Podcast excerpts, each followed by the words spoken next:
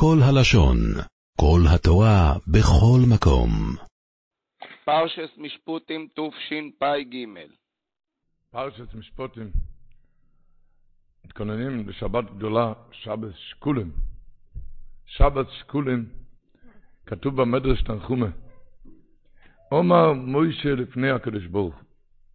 ריבונו של עולם, מי שאני מת, אין אני נזכר, אחרי שאני מת לא, אני לא נזכר? אמר לו הקדוש ברוך הוא, ענה לו הקדוש ברוך הוא למשה רבינו, חייכו, חייכו זה שבועה, שהקדוש ברוך הוא נשבע. כשם שאתה עומד עכשיו ונותן להם פרשת שקלים, ואתה זוקף את ראשם, בפרשת שקלים כתוב כי תישא את ראש, מרימים להם, זוקפים להם את הראש. אז הקדוש ברוך הוא נשבע לו, חייך, כשם שאתה עומד עכשיו ונותן להם פרשת שקלים ואתה זוקף את ראשם, כך, בכל שנה ושנה שקוראים אותה לפניי, כשהלכו לקרוא שבת שקולים, כאילו אתה עומד שום באויס השור וזוקף את ראשם. הקדוש הוא נשבע לו שבשבת הזה יהיה זקיפת הראש. כשם שאתה עומד חייך, כשם שאתה עומד עכשיו, ונותן להם פרשת שקלים ואתה זוקף את ראשם, כך בכל שונו ושונו, שקוראים אותה לפניי, קוראים פרשת שקולים, כאילו אתה עומד שום באויס השור וזוקף את ראשם. רבי ישראל, זוקף את ראשם, זה הכל, זקיפת הראש, זה להינצל מכל פגע ומחלה. לזקיפת הראש זה נקרא רפואות, ישועות, ברוחניות ובגשמיות. כי כשאדם מתייסר בייסורים, אז כל הגוף שלו נחפף, כל הנפש, כל הרוח, וכשהוא ניצל מהם, נזקף ראשו והולך קוממיוס. אז, אז זקיפת הראש, הפירוש הוא שבשבת הזאת נושעים בכל משאלות ליבם לטובה. כותב החידושי ערים בספר הזכוס, כותב בזה הלשון, הבטחה גדולה יש לנו במדרש הזה. יש לנו כאן הבטחה גדולה על השבת הזאת. הקדוש ברוך נשבע שזוקפים את הראש, זה לא פשוט. הבטחה גדולה יש לנו במדרש זה, שבכל דור ודור, ככה הקדוש ברוך אמר, בכל שנה ושנה, תשפ"ג, בכל דור ודור, בעת קריאת פרשת שקלים, יזקוף משה רבינו לבשולם ראשון של בני ישראל. כאילו הטועים את שור, בכל שונו ושונו שקוראים פרשת שקלים, לפונאי כאילו הטועים את שום באויס השור, וזוהי כפס ראשון. אם בכל שבת נאמרה, החידוש הערים אומר, הרי הולכים לקרוא בשקלים, שבת שקלים קוראים, כי סיסו אס רויש. אומר החידושי הערים, תרים את האותיות ראש, תמצא שבת. איך? אות אחרי רש, מה זה? שין. אות אחרי א', ב'. אות אחרי שין, ת', זה שבת. כי סיסה עץ ראש. אתה מרים את האותיות ראש, אתה מצא שבת. מה זה בא להגיד? הוא אומר שבכל שבת, השבת זוקפת ומרוממת ראשם של בני ישראל. זה בכל שבת, כי תישא את ראש. כל שבת. אבל בשבת הזאת היא הרבה הרבה יותר זקיבת הראש למעלה מעלה. אם בכל שבת זה שטריימל, השבת זה ספודיק. זה זקיפת הראש, הקדוש ברוך הוא נשבע, כאילו עומד וזה כפרוש של ספודיק. אבל ממילא, החוכם אינו בראשו לנצל כזה שבת כדי בואי. הוא מביא שם בנשיא וישורון, מביא על הלשון המשנה, הוא להשתמש בטאגו חולוף. להשתמש בתגה חלף. אז הוא אומר ככה, האותיות תגה זה האותיות אחרי שבת. אחרי שין זה ת', אחרי בת, ב' זה ג'. אחרי ת', א', אחרי ת' זה א'. מתחיל עוד פעם. אז להשתמש בתגה, הוא נזכר אחרי שבת, מוצאי שבת, הוא אומר, אוי ואבוי, איפה הייתי? אז הוא אומר, חלף, זה כבר חלף, איבד את הכל. ולהשתמש בתגה, הוא משתמש באותיות אחרי שבת. עוד פעם, אחרי שין זה ת', תגה זה אותיות אחרי שבת. אחרי שין זה ת', אחרי ב' זה ג', אחרי ת' זה א'. להשתמש בתגה, הוא נזכר אחרי שבת, הוא יבא, החלף, הוא כבר איבד. לכן עכשיו, מחד שבך לשבתך, לדעת לנצל, לנצל ולהינצל, כמו שאמר הרב הקדוש פנחס קורצר, היה אומר, זה מודפס שם שהוא אמר את זה על יידיש, ich wart schon gern soll kommen die Dalet Parshies, ich soll sich sehen mit. מה הפירוש? שהוא עומד ומצפה לארבע פרשיות, שקלים, פרה, שקלים זכור, פרה, חודש, אני מחכה, עומד ומצפה לארבע שעות האלו, כי אז נפגשים עם הקדוש ברוך הוא כביכול. מפגש, פגישה, אם בכל שבת, מה שאני אמר, אבל בשבת הזאת על אחס כמה וכמה. כך כתוב מהריז'נל, שה, שהארבע שבתות זה נגד ארבע אותיות של שם הוויה, אז הוא אומר שבארבע פרשיות כל יהודי יכול להידבק בשכינה הקדושה. זה, והמשכיל לנצל את הטהרה ואת הקדושה נשפט בימים האלו, כמו שמבקשים ביוצרות של פרשת שקלים, אור פונכו עולנו עודו נשוא. אור פונכו עולנו עודו נשוא. השבת מסוגלת, מסובר, מסופר שאצל האמרי יוסף הגיעו שתי אברכים, הם היו שתי אחים. אחד קרא, קראו לו רב מאיר כהנא, ועם אחיו רב זמבו. שתיהם היו אברכים כאובים, זה היה בשבת שקלים, שנת תרמ"ג. שתיהם היו כאובים, שתי האחים האלו. אחד היה רבי מאיר, הוא היה חסוך בנים, לא עלינו, ואשתו הייתה חולנית. ואחיו רב זמבו, היה לו בנים חולים וחלשים, רחמנא ליצלן. בערב שבס נכנס רבי מאיר, זה שלא היה לו ילדים, נכנס לאמרי יוסף וביקש ממנו להתבשע בדבר ישועה ורחמים. אמר לו האמרי יוסף שיניח פדיון לצדקה של מאה זהובים. פדיון לצדקה. רבי מאיר נתן את הסכום והרבי הבטיח, הבטיח לו ישועה שלמה. האח, רב זמבל, לא הספיק להיכנס לפני כניסת השבת, אבל בליל שבת הוא העמיד על הטיש יין כנהוג. הגיע התור של רבי זמבל, רבי אמרי יוסף, אמרי יוסף, כולם העמידו שם יין. אז רבי, הגיע התור של רבי זנזון עם יוסף, ברך אותו שהבנים שלו יזכו לרפואה שלמה, והוא הסביר שבשבת שקלים נהנים כל התפילות. למה? על מה היה מחצית השקל? על התמידים. תפילות נגד תמידים תקנו. הקורבנות, התפילות הרי נגד קורבנות תמידים. אז כמו שבשבת הזאת מכינים ומכשירים את התמידים לכל השנה, את הקורבנות תמידים לכל השנה, אותו דבר התפילות שהן כנגד תמידים התקבלו לרצון, אפשר לקבל עליהם שהתקבלו לרצון, ושתיהם נושעו באותה שנה לטובה. רבי מאיר הוליד בן, והבנים של רבי זמבל התרפו. אחי ורעיי, אהוביי וידידיי, איך אמר החידושי הערים, כותב, שאם בשבת הזאת זוכים לתקיפת הראש, כן? אז הוא אומר, כדאי שתרים את כל הגוף גם, כי אם הראש יהיה למעלה, והגוף למטה תישאר תלוי, לא עלינו. אז בואו נתרומם, נתעלה טפח מעל גבי קרקע. יותר ללמוד, יותר להתקרב לקדוש ברוך הוא, בשבוע האחרון לפני שבבים. כי גם האור החיים הקדוש כותב בפרשת כי תישא את ראש, הוא כותב, מה זה כי תישא את ראש? אומר האור החיים הקדוש, זה הלשון, זה לשון קודשו. כי החוטא גורם בחטאו כפיפת הראש. אחד שחוטא, אז הראש שלו, הנפש שלו, זה כפיפת הראש. כי בחינת הרע מהותה היא אל ארץ תביט, כשפלה היא. שפלה היא. הרע זה לארץ. אז ממילא כשבן אדם חוטא, אומר, הראש שלו למטה. למה? כי הרע, זה, המהות שלו זה לארץ. ובחינת הקדושה, אומר אור החיים הקדוש, היא נשיאת ראש והרמת המהות והאיכות. בשבת הזאת כל אחד יכול להתרומם. כל אחד, כל אחד להתרומם, להתעלות. כל אחד, אפילו מי שנמצא למטה. אומרים שהרבר רבושה סטולנו, הוא אמר, אני מאוד אוהב את, הסוס, את הסוסים. את מה? את מה שנלמד מהסוסים, שמה? שהסוסים כשהם הולכים בירידה, מדרון, ירידה, אז הם הולכים בירידה כשהראש למעלה. זה מלמד גדול. שאפילו כשבן אדם בירידה, שידע להתעלות, לעלות את הראש למעלה ולשוב בחזרה.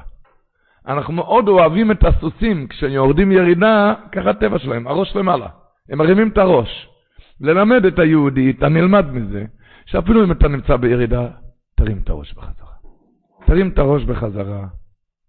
זה הרי מטבע של אש. אש. מה זה מטבע של אש? כך כתוב, חז"ל אומרים, שעומר רבי מאיר, נטל הקדוש ברוך הוא על מחצית השקל, נתקשה משה בצורת המטבע. משה רבינו לא הבין צורת המטבע, נטל הקדוש ברוך הוא כמין מטבע של אש מתחת כיסא הכבוד, והראה לו למשה, אמר למשה רבינו, כזה ייתנו. כזה ייתנו. מטבע של אש. במה שאנחנו מדברים עכשיו, כתוב השבוע בפרשה, פרשת משפטים, וכי יוזיד איש על רעהו להורגו בעורמה, מאם מזבחי תיקחנו למות. אומר המגיד מקושניץ, קושניץ המגיד, שכידוע כתוב בסידור ארי, שרבנו הרמק קיבל מפי אליהו זכור לטוב, שכשסגולה לבן אדם לבטל מחשבות זרות הנופלות על האדם, שיש לו מחשבות לא טובות, לא עלינו, אז יש סגולה, הרמק קיבל את זה מפי אליהו זכור לטוב, שמה? שיגיד איזה פסוק? איש תומי תוקד על המזבח, לא יסיכבה. מסביר הקוזניצר מגיד שזה הפירוש בפסוק. וכי יזיד איש, איש היצר הרע, הוא מזיד על רעהו, על יצר הטוב. להורגו, הוא רוצה להרוג אותו. איך? בעורמה. מה זה בעורמה? מחשבות ערמומיות, מחשבות טרפות, מחשבות זרות. בעורמה זה נקרא ערמומיות, זה מחשבות ערמומיות. אתה יודע מה העצה? מאי מזבחי תיקחנו למות. מה זה מאי מזבחי? מהפסוק אש תמיד תיקד על המזבח, בזה תיקחנו למות תמיד את המחשבות זרות. עוד הפעם. הרמה קיבל מפי אליהו זכור לטוב סגולה למבטל מחשבות זרות ורעות הנופלות על האדם. לומר את הפסוק, אש תמיד תוגד על המזבח לא תכבה. אומר הקושניצר מגיד זה הפירוש בפסוק, וכי יזיד איש זה היצר הרע, על רעהו זה יצר הטוב, כי הם שוכנים יחד בקרב האדם. להורגו בעורמה, הוא רוצה להרוג אותו במחשבות ערמומיות, מחשבת ערמימות וכוזבת, הוא מכניס בו מחשבות רעות ואסורות, שעל ידיהם יוכל להורגו ולהפילו לשאול תחתית. העצה, מאם מזבחי, שיאמר את הפסוק אש תמיד תוקד על המזבח, ותיקחנו, תקח ככה את היצר הרע, למות יעביר רוח תנומה מן הארץ. אבל רבותיי, מסופר שהיה לדברי חיים מצאנז, היה לו נכד, קראו לו רבי יוסף קשנובר, היה אדמו"ר גם.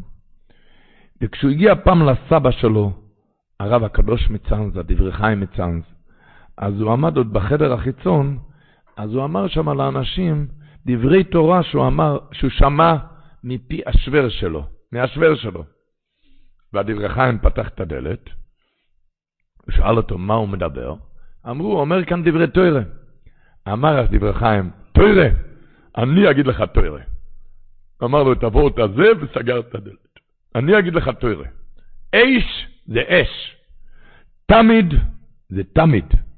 תוקד זול פלקרן. אתם יודעים מה זה תוקד? זה שידלוק ויבעור על המזבח, זה על הלב, מקום זביחתו. זביחתו. לא תכבה, שזה לא יכבה האש, אפילו אחרי עבירה הכי רעה. זה כל התורה כולה וסגרה לו את הדלת. עוד הפעם. אש, אש, תמיד, תמיד, תוקד שיתלהב וידלוק ויבעור על המזבח, זה על הלב, והלב מקום זביחתו של היצר, לא תכבה, שהאש לא תכבה, אפילו אחרי העבירה הכי קשה, אפילו העבירה הכי חמורה, מטבע של אש, רבותיי. זה היה אחרי חטא העגל. והבן אדם מתחיל, יש, אני חוטא, חטאתי, פשעתי. אומר הקדוש ברוך הוא, כזה ייתנו. אתה יודע, אתה יודע מה התיקון? מטבע של אש. תדליק את האש. מה פירוש? ביתר יתר הסבר. מתן תורה, כולנו יודעים, הגמרא אומרת, פסקה זו המתן, אין יצר הרע. חטא העגל, חזר יצר הרע. והיהודים התחילו לבכות, כך כתוב בזוהר הקדוש פרשת בראשית דף נ"ב. במתן תורה פסקה זו המתן, בחטא העגל חזר יצר הרע. אז התחילו יהודים לפחד, מה יהיה עם היצר הרע? אוי ואבוי, כזה יצר הרע, מה יהיה? אמר להם הקדוש ברוך הוא, כזה ייתנו מטבע של אש, אם אתה תהיה אש, יתבטל היצר הרע. אם אתה תהיה אש, אתה תהיה אש, יתבטל היצר הרע. אש, אש. אין לכם מה לחשוש. היצר וכל חיילותיו נסים ומתפחדים מהבא כנגדם בחוזקה וגבורה. אם אתה תהיה מטבע של אש. ככה סיפר רב מנדל פוטרפס. הוא סיפר שהיה במלחמה, נלחמו, הצאר הרוסי שלח את החיילים להילחם עם האויב. וכך היה דרכם, שתמיד ביום הם היו נלחמים על החזית, ובלילה חזרו לאכסנגה, ושם אכלו, אכלו ושתו, ככה קוניאק, משקאות חריפים, משקאות, ובבוקר קמו, והלאה הלכו לחזית להילחם. אז הוא סיפר שהיה פעם אחת חייל אחד שהוא שתה יותר משכרותו של לוט, נהיה שיכור כמו לוט. ובבוקר הוא לא יכל להרים את הראש, לא יכול להרים את הראש, נשאר לישון עד בלילה. קם בלילה, קם רעב, רעב. אותו הלילה זה היה ליל שבת קודש. אז הוא נכנס לאיזה בית יהודי, הריח שם, ריח של צ'ונט על הפלטה. ריח צ'ונט, אז הוא יד מיד נכנס לחייל, מילא כמה ניילונים, ניילונים עם צ'ונט, שם את זה על הסוס, והסוס זה התחיל לבעור בו, הניילונים של צ'ונט זה בער, אז הוא רץ כמו רוח סערה, הוא רץ, ותוך קצת זמן הוא הגיע לחזית עם החברים, החייל הזה, אבל, אבל הוא, לא, הוא לא, לא עצר שם, כי זה בער לו על הגב, הטרונט, זה בער לו, אז הוא נכנס לתוך שטח האויב, והאויב חשב שמי יודע אם זה מתאבד עם חומר נפץ כאן. אז כולם התפזרו כי פחדו, מי זה מתאבד? אז פחדו ונגמרה המלחמה ללא הרוגים וללא פצועים. אמר רב מנדל פוטפס, שסיפר את הסיפור הזה, למה המלחמה נגמרה בלי הרוגים ובלי פצועים? אתה יודע למה? כי הוא נכנס בכזה אש, אז האויב פיחד ממנו. זה אותו דבר במלחמת היצר. אם אתה תלך מטבע של אש, מטבע של אש, תנא מה אני, מטבע של אש, אפילו שחטאתי ואפילו שפשעתי, לא תכבה האש אפילו אחרי העבירה הכי גדולה. לא לכבות את האש. אם אתה תלך עם אש, ככה זה נראה. מטבע של אש. מטבע של אש, על זה הקדוש ברוך הוא מחכה מאיתנו, שכל אחד ואחד, הפוך, שהולך לבן אדם קשה והוא רוצה, החתם סופר אומר בדרשות, הוא כותב, הגמרא אומרת, במסכת מגילה י"ג, גלוי וידוע לפני מי שאמר והיה העולם, שעתיד המן לשקול שקלים על ישראל, כן, עשרת אלפים כיכר כסף, עמד והקדים שקליהם לשקליו, כן? הוא הקדים הקדוש ברוך הוא הקדים מחצית השקל בשביל שידע שעומר הולך לשקול שקלים, עשרת אלפים כיכר כסף. תוספות אומר שמה, במסכת מגילה דף ט"ז, אומר תוספות, שהאומון נתן כל פדיונם. עשרת אלפים כיכר כסף זה כל פדיונם של עם ישראל. מה הפירוש? שואל החתם סופר, כמה היה מחצית השקל? אתם יודעים כמה? כתוב פרשת פקודי. וחסד פקודי העדה זה היה מאה כיכר. מאה כיכר. כמה הומו נתן? עשרת אלפים כיכר כסף. כמה זה? כפול מאה. אז מה אתה אומר? הגמרא אומרת שגלוי וידוע לפני מי שאמר והיה העולם שתיד המן לשקול שקלים על ישראל, לכן הוא עמד והקדים שקליהם לשקליו. הלו זה היה, מה שאומון הביא זה היה פי מאה. אומר אחסם סופר, אומר די גבורת, תשמעו טוב. הרי אומון נתן פי מאה. אומר אחסם סופר, הגמרא אומרת בברוכס דף זין. טויבו מרדוס אחז בליבו של אודום יותר ממאה מלכיות. מרדות אחת בליבו של אדם, בן אדם חטא, והוא שבור מזה. מרדות זה מלשון רידוי והכנעה, אומר רש"י. שהאדם שם על ליבו מאליו, הוא מתחרט, זה יותר טוב יותר ממאה מלכיות. אומר החסם סויפו, בואי רדי גבורת. אומון זה היה בין שתי המקדשות. אז לא היה מחצית השקל. מה היה אז? כמו היום, שבת שקלים. קוראים שבת שקלים. רוצים, אבל אין לנו. יש מרדות בלב. לא זכינו, אבל יש לי רצון, רוצה.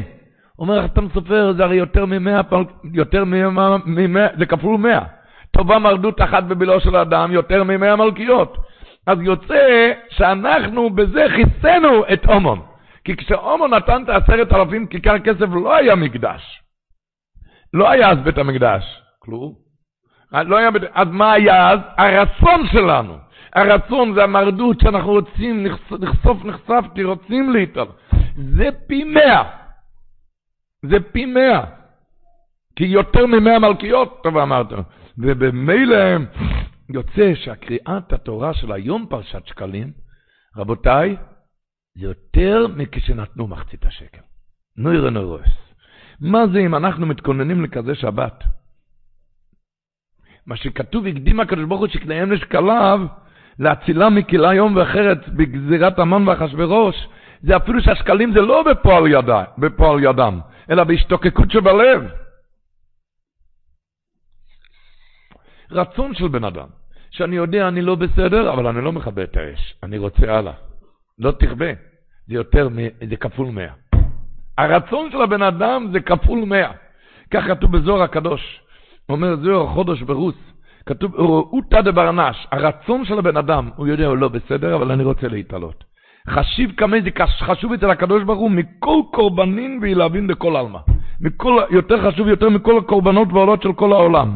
כיוון דברנש שב וראותי בתשובה ומעורר רצונו, רצונו בתשובה, אומר הזוהר הקדוש, להסתרו בכל עניין ריקין דלא פתח לגבי. אין שער שלא נפתח לבן אדם שהוא בוחר, רוצה, נחשוף, נחשפתי. שומעים לשון של זוהר הקדוש? כיוון דבר, שב וראותי בתשובה, רוצה לתשובה. להסתרו בכל עניין ריקין, אין שער דלא פתח לגבי. היום שבת שקלים זה יותר, אומר החתם סופר, וגם השפת אמת, זה יותר ממתי שנתנו מחצית השקל. כי זה כמה נחשוף, נחשפתי. איך אמר אדמו"ר מסטמו, זה, כי זה כמה נחשוף נחשפתי. הוא אומר, נחשוף נחשפתי, הגמרא דורשת, נתון תיתן אפילו מאה פעמים. כל איפה שכתוב, עזוב תעזוב, כתוב כפל הלשון, הגמרא אומרת, מה כפל הלשון אומר? שאפילו מאה פעמים. עזוב תעזוב, אפילו מאה פעמים. נתון תיתן אפילו מאה פעמים. אל תגיד כבר נתתי תשעים פעם, אפילו מאה פעם. תתן עוד הפעם. אז הוא אומר, אדמו"ר מסטנו, נחשוף נחשפתי, זה אפילו מאה פעמים. זאת אומרת, אפילו כבר נחשפתי ונפלתי, ועוד הפעם נחשפתי ועוד הפעם נפלתי, ועוד הפעם נחשפתי, תבכה עוד הפעם. תבכה עוד הפעם, והקדוש ברוך אומר, אני מחכה עליך, אני רוצה לראות אותך.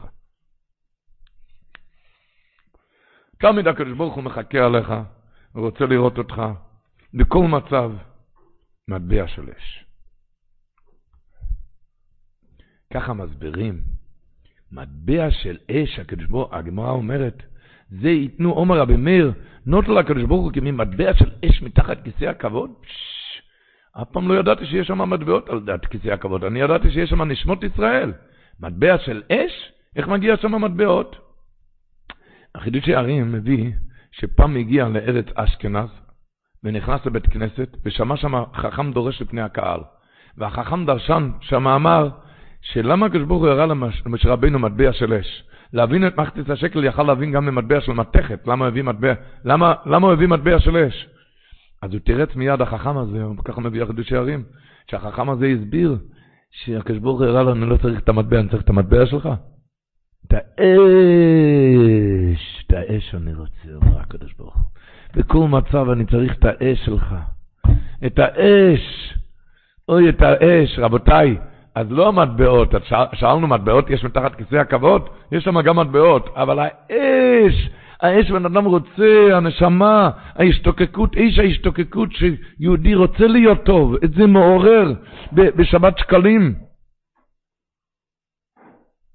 כאן, לכן, לכן אומרים גם, כולם מדברים, למה מחצית השקל, למה לא שקל? ברוך אומר, מחצית השקל, תעשה כמה שאתה יכול, אל תביא לי, אני לא מחפש שלם, אני מחפש דבר אחד שתתרומם מהקרקע, לקראת שבת שקלים. לכן מחצית השקל, לא שקל שלם, להראות שהקדוש ברוך הוא לא רוצה דווקא שקל שלם, דווקא שלמות, אפילו חצי, שאם בן אדם עושה ככל יכולתו, חשוב בעיני המקום, כאילו שהגיע לרום המעלה, אם יפתח פסח כחודו של מחט. ככה אומר היטב לב, כתוב ונוסנו איש כופר נפשו לשם, מה היה כופר נפשו? זה ייתנו כל העובר על הפקודים, מחצית השקל בשקל הקודש. אז הוא אומר, ונתנו איש כופר נפשו, אני צריך לתת כופר נפש על מה? על החטאים? למה אני צריך להביא כופר נפש? אני אנוס, יש כאן יצר הרע, מלאך משתולל כאן.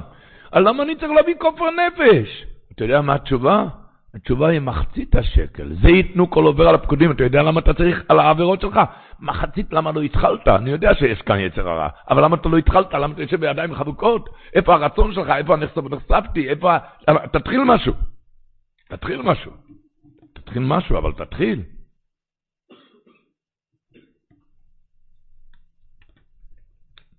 תתחיל משהו, כשברוך הוא מחכה מאיתנו, מכל אחד ואחד, להתחיל ול... ולעשות, בכל העניינים.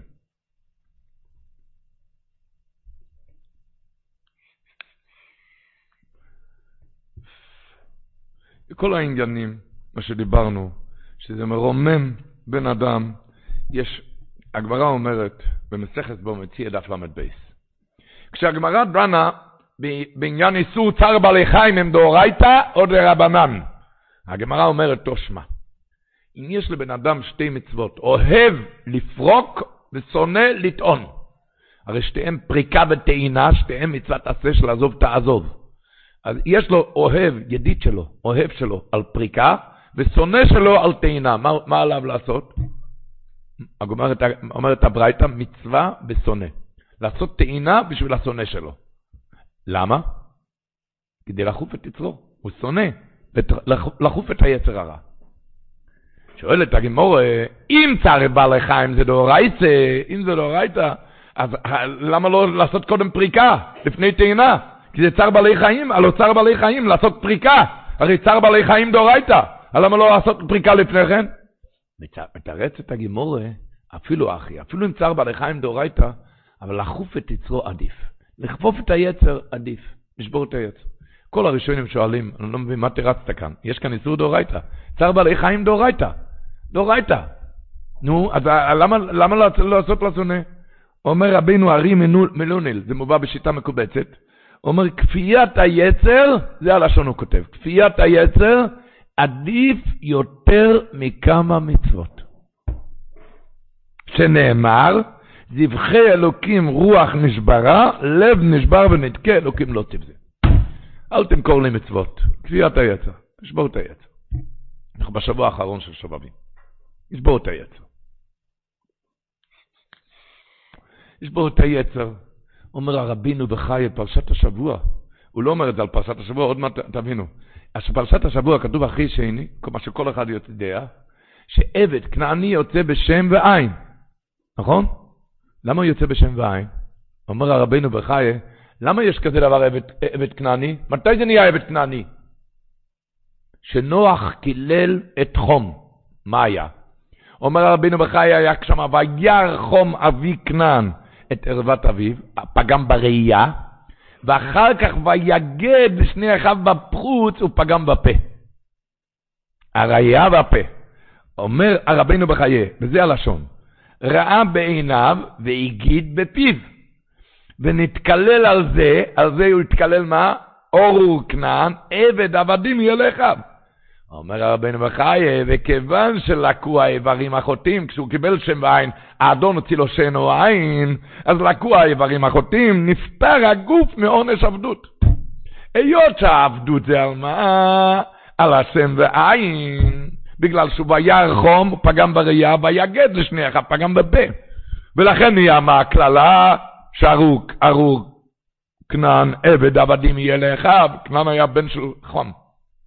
לכן הוא קידל אותו, עבד עבודים יהיה לאכול, הוא היה בן של חום. אז ברגע שלקו האיברים החוטאים, נפטר הגוף מעונש עבדות.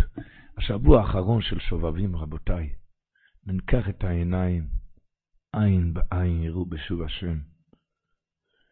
מישהו נכנס פעם לאריז'ינו ואמר לו שכואבים לו העיניים. אז אמר לו, מאיפה אתה יודע שהעיניים כואבות לך? אולי אתה מכאיב לעיניים? היה סיפור בירושלים. היו אומרים שהיה איזה ערבי, סבל, ערבי סבל, שהכניס שקים לחצר יהודי, והיו צריכים לשלם לו על כל שק. על כל שק היו צריכים לשלם. איך ידעו כמה שקים? היו עוד שקים, איך אני אדע כמה שקים אתה הכנסת? מה עשו? שמו שם ספל, ועל כל שק שהוא הוריד הכניסו שקל, ספרו את השקלים, ידעו כמה שקים.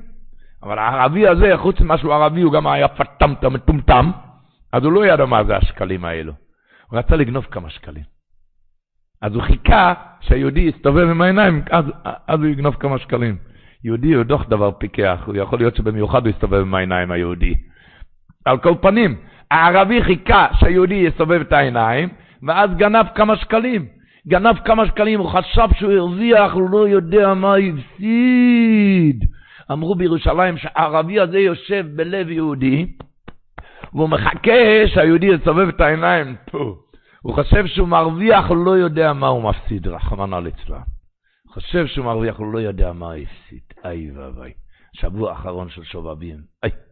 על זה אמרנו פעם כבר את דברי הרוקח, רבנו הרוקח, שהוא אומר שרבנו הרוקח אומר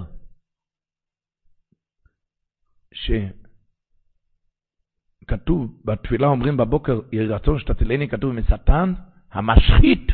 אומר רבנו הרוקח בסידור, מה זה המשחית? אומר בזה הלשון. כשרוצה הקדוש ברוך הוא להיטיב לאדם, רוצה להיטיב לאדם, רוצה לתת לו עושר, כבוד, גדולה, לא, הוא רוצה להיטיב לו. אומר לו השטן, בא השטן ואומר, החינם תעשה לו טובה בחינם? תנסהו מקודם, תנסה אותו. ויקח השטן את מפתחות התאווה בידו ומגרה את הבן אדם על העיניים, כי הוא רוצה להשחית לו את הטובה. זה נקרא משטן המשחית. הוא פשוט שונא שלך. הוא רוצה פשוט להשחית לך את הטובה. אז איך אמר רב שיעה לבלזור? אמר, דהלך שני לחברך לא תעביד וידחזיל גמור. היורצת שלו, עכשיו. אז הוא אומר, דהלך שני, תדע שהיצר הרע הוא שונא שלך. לחברך לא תעביד, אל תעשה אותו לחבר. וידחזיל גמור, אחר כך יהיה קל הכל. אך הדבר הזה תכלית טוב שיש לך כאן עסק עם שונא.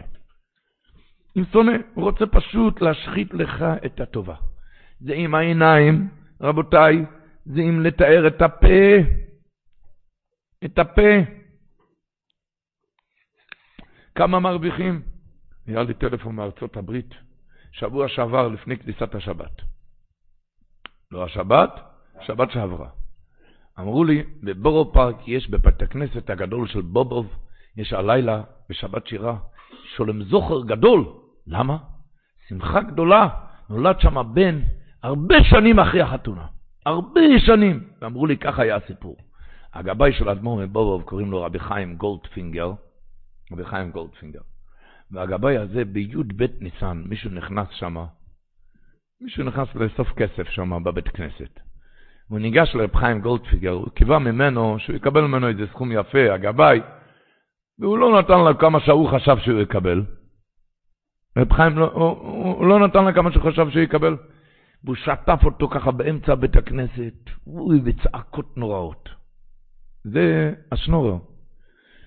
הוא שטף אותו, אבל לא סתם, זה היה צעקות נוראות. שנורר קצת מכובד גם, הוא, זה היה בושי בשעות, כל הבית הכנסת עומדים ומסתכלים עליו, על, על מה שקורה, נהיה שקט שם. ואז היה שם האברך הזה שלא היה לו שנים רבות ילדים, אז מישהו ניגש אליו ואומר, תשמע, תראה, חיים שותק שם. תיגש אליו, תבקש ממנו ברכה. הוא עכשיו שותק שם.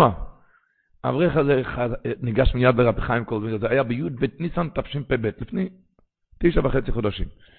אמר לו, תשמע, יש לך עכשיו זכות, תמכור לי את הזכות, תמכור לי את הזכות, יודע, אני מחכה בכליון עיניים לישועה מהשמיים. תן לי, עכשיו יש לך את כל השיטה בשתי ידיים. תן לי את זה במלוא חפניים. אז אמר לו, אני נותן לך את הזכות, אני מברך אותך, ונותן לך את הזכות שיהיה לך.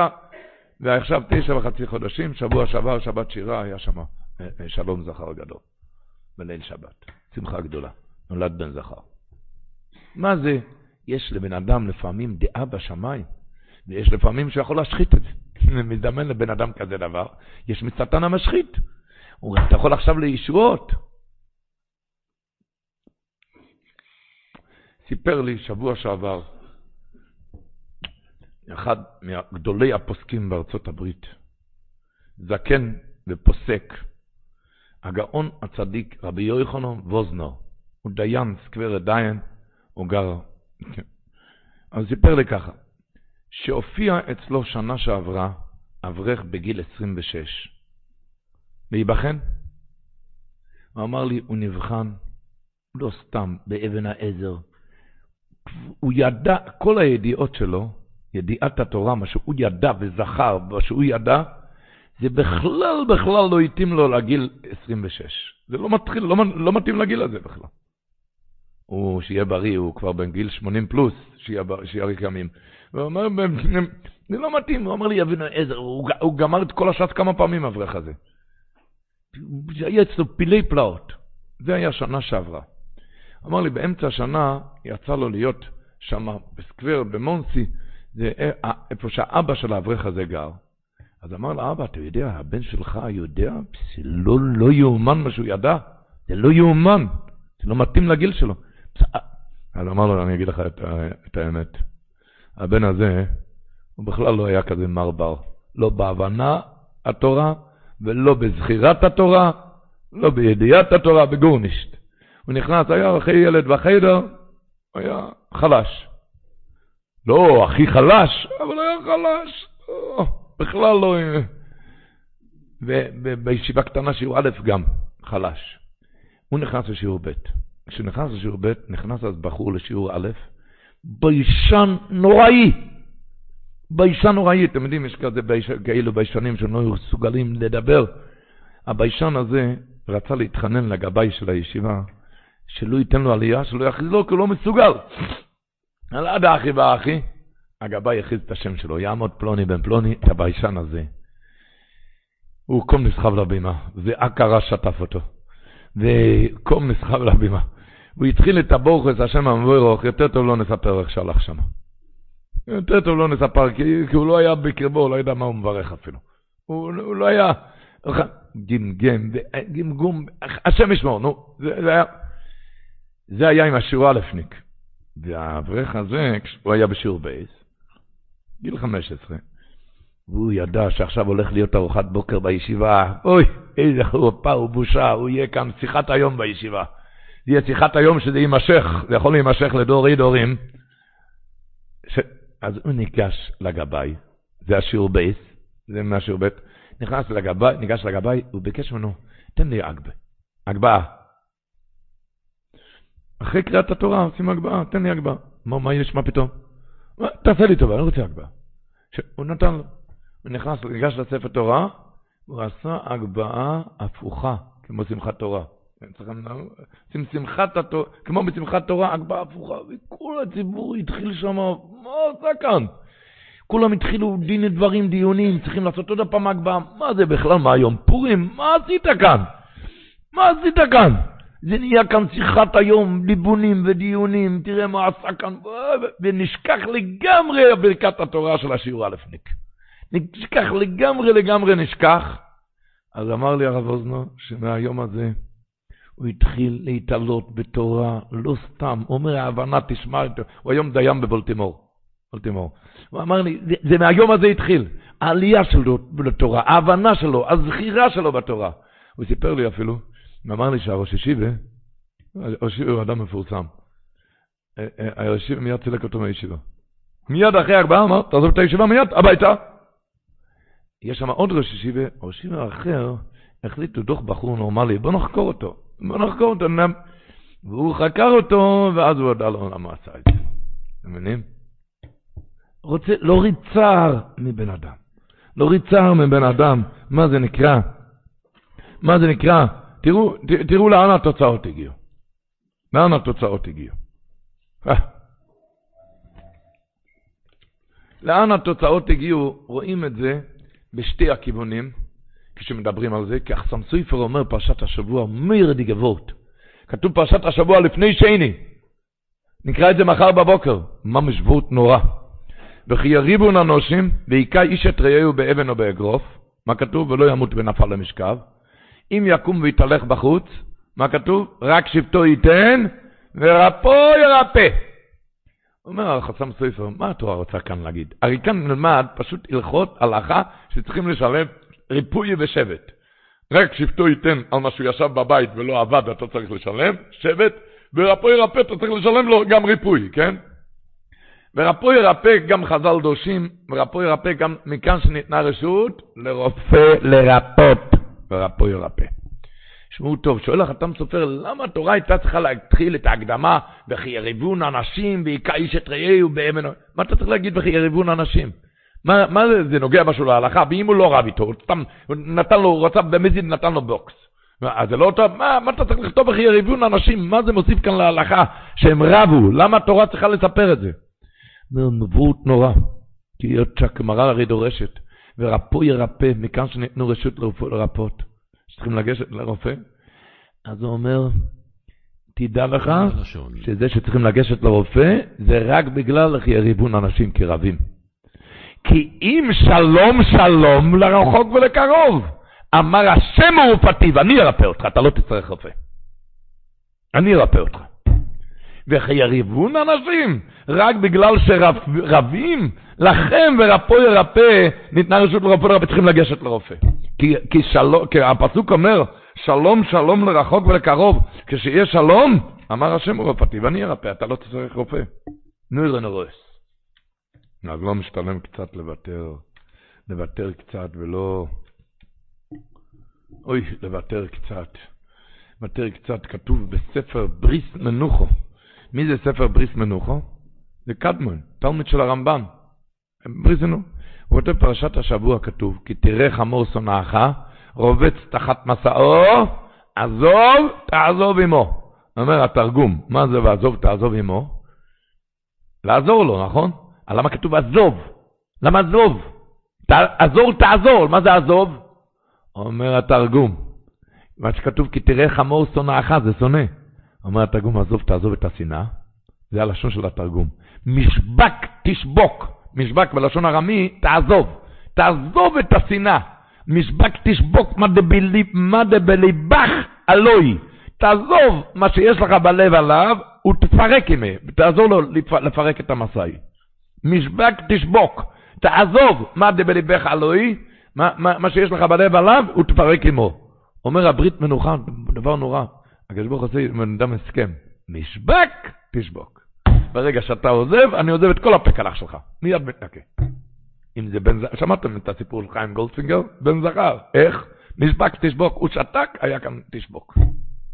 ברגע שאתה עוזב מה שבלב שלך, בלב שלך עליו, תשבוק, תעזב אתה מכל הצרות הבאות עליך. יש לשון של רבנו, הפלא יועץ. הוא כותב את זה בערך מידת ותרנות. ערך ותרנות כותב הפלא יועץ, בזה הלשון. ולפעמים שמידת הוותרנות תחיה בעליה, ותצילהו מצרה וצוקה, מה טוב חלקה, לא ידע אנוש ערכה. ושומעים? עוד הפעם.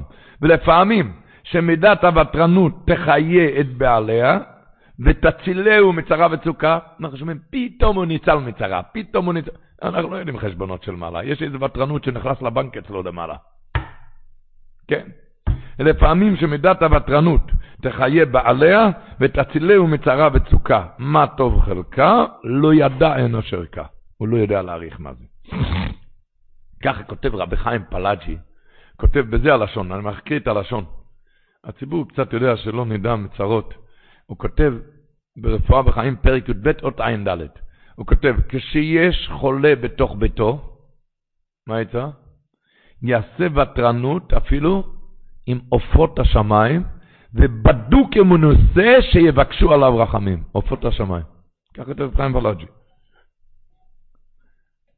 שלא נדע, בבתי חולים יודעים את זה, במחלקות הקשות שם, החולים ניגשים, ניגשים עם, עם פירורי לחם לחלון. כן, שלא נדע, שלא נדע, שאף אחד לא ידע. לא צריכים להיות חולה על זה, אפשר לפני כן לסדר את זה. כן, אבל, אבל אמרנו שלמה כתוב עם עופות השמיים? הרמז הוא פשוט, לפעמים בן אדם חושב, למה שאני אוותר לו? הוא בהמה בתבנית אדם. לכן הוא אומר לוותר אפילו לעופות השמיים. למי שמבלבל אותך ומטריד אותך ממש כציפור המרקדת על הראש. באופן כזה, בדוק המנוסה שיבקשו עליו רחמים. כן. שאתה צודק והוא לא צודק. בדיוק. בדיוק. אומרים איזה וורט נורא. השבוע, אם אתם יודעים, בפרשה, זה כל חודש משפט, נכון? ארבו שוימרים, בו בקמה, בו בציע, בו בבית, בו בקמה גם, וכי איגח שורי שצ'ורהו, כי גוף שורי שצ'ורהו, מה לא? סנהדרין. סנהדרין גם, אלוהים לא תקלל, ונעשה, הכל, ארבו שומרי בו בציע. ואחר כך יש מלווה על המשכון. בסוף, פסוק לפני רביעי, יש פסוק של מלווה על המשכון, שמה כתוב שם? התורה אומרת למלווה על המשכון, הוא לא פרה לך, נכון? מה התורה אומרת? תחזיר לו את המשכון. למה? אם חבול תחבול שלמת רעך, תחזיר לו למה? כי במה ישכב, מסכן. והיה כי יצעק אליי, ושמעתי כחנון אני. ומי צועק? מי? מה הוא צועק? הלווה, לבק כסף לא החזיר, לקחתי לו משכון. אומרת התורה, תעשה טובה, בלילה תחזיר לו את זה. הוא צריך את זה בלילה, במה ישכב? אבל הוא לא צודק, אני צודק. אומר התורה, אומרת התורה, והיה כי יצעק אליי, אם הוא יצעק שקר לו בלילה, אפילו שאתה צודק והוא לא, אבל ושמעתי כחנון אני, תיזהר מלהיות צודק. זה סיכום של כל... יש בבא קמא, בבא מציע, בבא בתרא, ויש חושב משפט, יש דין תורה, אבל תזכור, תיזהר מלהיות צודק. אמר רבי יוחנן, לא חרבה ירושלים, אלא על, שדנו בדין תורה. תיזהר מלהיות צודק. שלא עשו לפנים משורת הדין. רחמנא ליצלן. תיזהר מלהיות צודק. אתם יודעים, סיפור ידוע שהחופץ חיים מביא את זה באבס חסד, עמוד החסד, אות ל"ג, סיפור ידוע שהחפץ חיים סיפר, שבנעוריו התגוררה בשכונה שלו אלמנה עם עוללים רכים, ילדים קטנים, והיא, היית, והיא גרה באיזה דירה שהייתה שייכת לעשיר אחד. לגודל עניותה לא היה, כסף, לא היה לה כסף לשלם שכר דירה. עברו כמה חודשים, והמזכיר התחיל לדחוק בה שהיא תשלם את החוב, אבל כל המאמצים לא עלה לה. עם כל המאמצים לא עלה בידה לשלם שום דבר. המזכיר איים עליה שהוא יגרש אותה מהבית, אם לא תשלם לו. וכל התחנונים, כך כותב אחוז חיים, כל תחנוניה, שירחם עליה ועל יתומיה, לא יועילו מאומה. מה עשה? ביום מהימים, העשיר הזה ראה היא לא שילמה, בא העשיר והסיר את קורת הגג מעל הבית, לגודל הכפור נאלצה האלמנה לצאת ולחפש לעצמה מקום אחר לגור שם. כל העיר רעשה על דבר המעשה הנלוז, אבל הבעל הבית בשלו, הוא לא מוותר. החפץ חיים כותב עכשיו, זה לשון נורא, הנה בטוח הייתי. כותב הייתי בטוח, כשהייתי בנעוריי, ראיתי את זה, בטוח הייתי שעל אכזריות כזה לא ינקה העשיר מן הדין והעונש בעולם הזה. שהוא יקבל, יקבל את העונש בעולם הזה. הייתי, שהרי התורה אמרה, פרשת השבוע, וחרה אפי, אם מנה תענה אותו, חרה אפי זה אלמנה. חרפי, עברו כמה שנים, כותב החפץ חיים, ולא קרה שום דבר. אך עדיין שמרתי הדברים בליבי, ואכן לאחר כעשר שנים נשכו כלב שוטה, למי? לשיר הזה, והחל האיש לנבוח ככלב, ולא ערכה מחלתו עד שהלך לעולמו. כך כותב החפץ חיים באבס חסד. מה אתה רואה? מי צדק? בדין תורה ודאי שהשיר צודק. הוא צודק בדינו, תיזהר מלהיות צודק אבל. תיזהר. תיזהר מלהיות, תיזהר. זה נקרא צודק, החופץ חיים גם היה פויסק, כמשנה ברורה. ותראה, המייבין יובן, זה לא מדובר דווקא כלפי אלמונה, כמו שחז"ל אומרים, לכל לב נשבור, תיזהר מלהיות צודק. מה שכתוב השבוע, השבוע בתוירה, לא יסיע לא יקנוישם. מה אומר רש"י? אם כסף טל וסמין, לא יסיע לא יקנוישם. אין, אין לו לפרוע, אומר רש"י, לא תתבענו בחוזקה. אם אתה יודע שאין לו, אל תהי דומה עליו כאילו הלוויתו, אלא כאילו לא הלוויתו, כלומר, לא תחלימר, אומר רש"י. התורה באה להגיד, תזהר בכבוד של ההוא. לא, אפילו שההוא לא צודק, לא יבראשה ולא ישלם, הוא לא צודק, אבל לא הותר דמו להחלימו או לבייסו. הוא יהודי.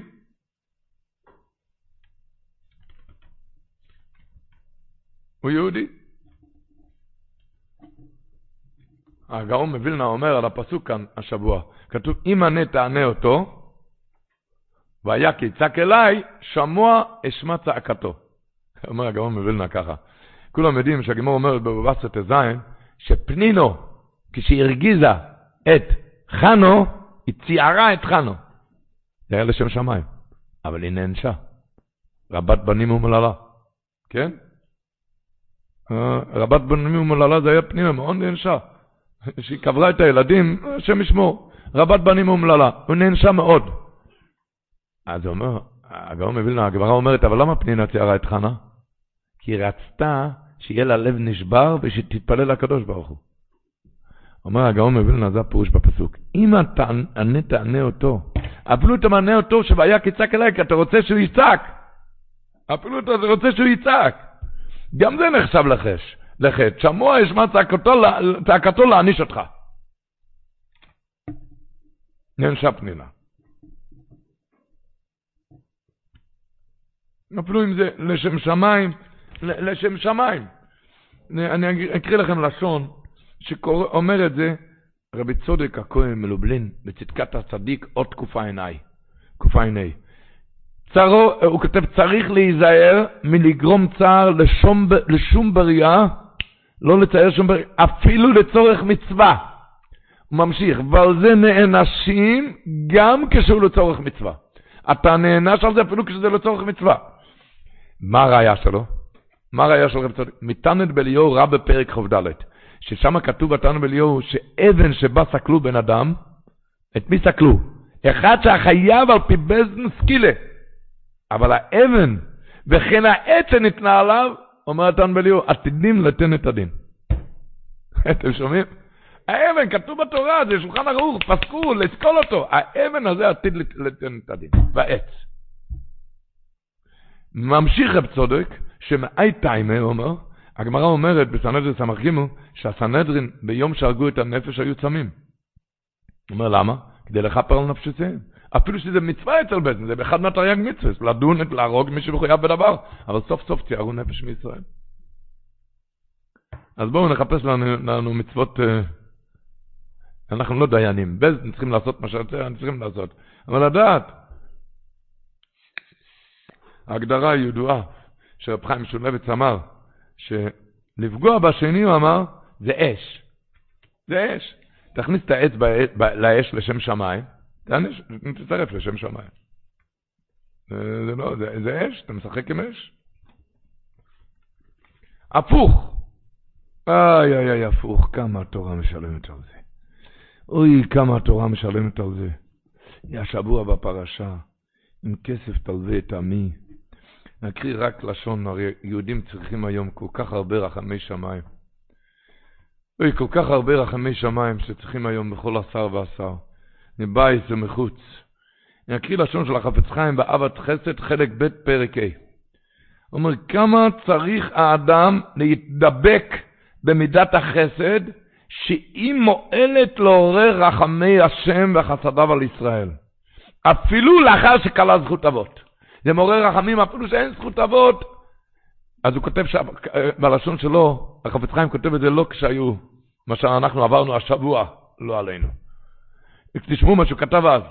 והנה עתו, עכשיו, שמידת הדין גברה מאוד על העולם, ואין שום עצה להינצל מדי צרות המתחשות מדי יום-יום, מה מאוד יש להתחזק במידת החסד, כדי שעל ידי זה תתעורר מידת החסד העליונה. זה העצה. אפילו אחרי שנגמר זכות אבות. ואחר כך הוא מסיים, הוא כותב, הוא מן התימה, ואצלי פלא, על האנשים שמחפשים סגולות, שיוולדו להם בנים, ומוצאים על הסגולות כמה וכמה רובלי כסף, ויש שם מצויים למאות ולאלפים, כל אחד לפי עושרו. יותר טוב שיעשו סגולה, נמצא בחז"ל, היינו, שיתעסקו תמיד במידת הצדקה. לעזור לעניים במה שיוכלו, להיות מן המעשים שהוא גדול מן העושה, אפילו אין לך כסף, תהיה מן המעשים.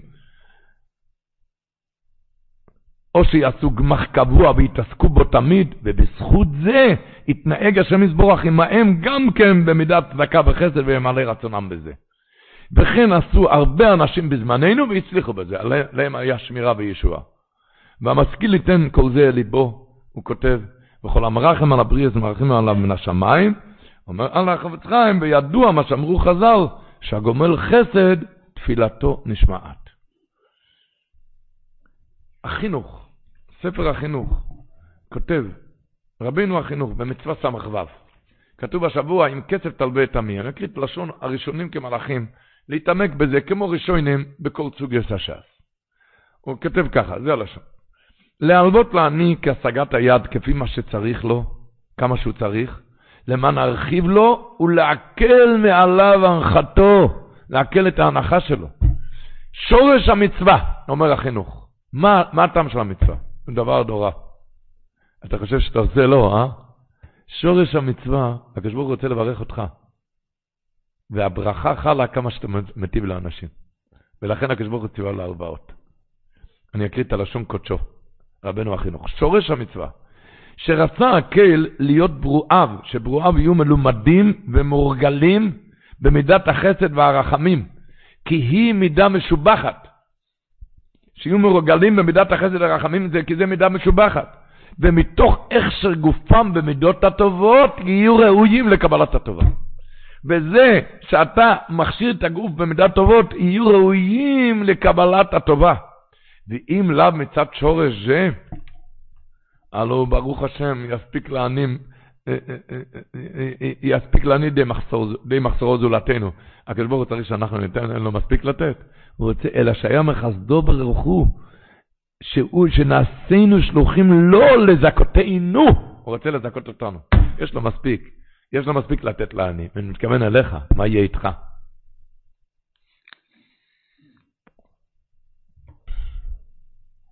מה שידוע, שכתוב בחז"ל, אומרים, זה מדרש רבה, ויקרא רבה ל"ד, יותר ממה שהבעל הבית עושה עם העני, אני עושה עם בעל הבית. כותב רבנו אחידה, בשו"ת חיים שאל סימן ע"ד עוד ב', הוא כותב שהגם שנאמר שונא מתנות, יחיה. אל, אל תפחד אם נותנים לך צדקה, למה? כי אתה יותר עושה טובה עם הנותן, אז, לא, אז, אז אתה לא מקבל מתנה, אתה נותן מתנה. כך אומר רבינו החידה.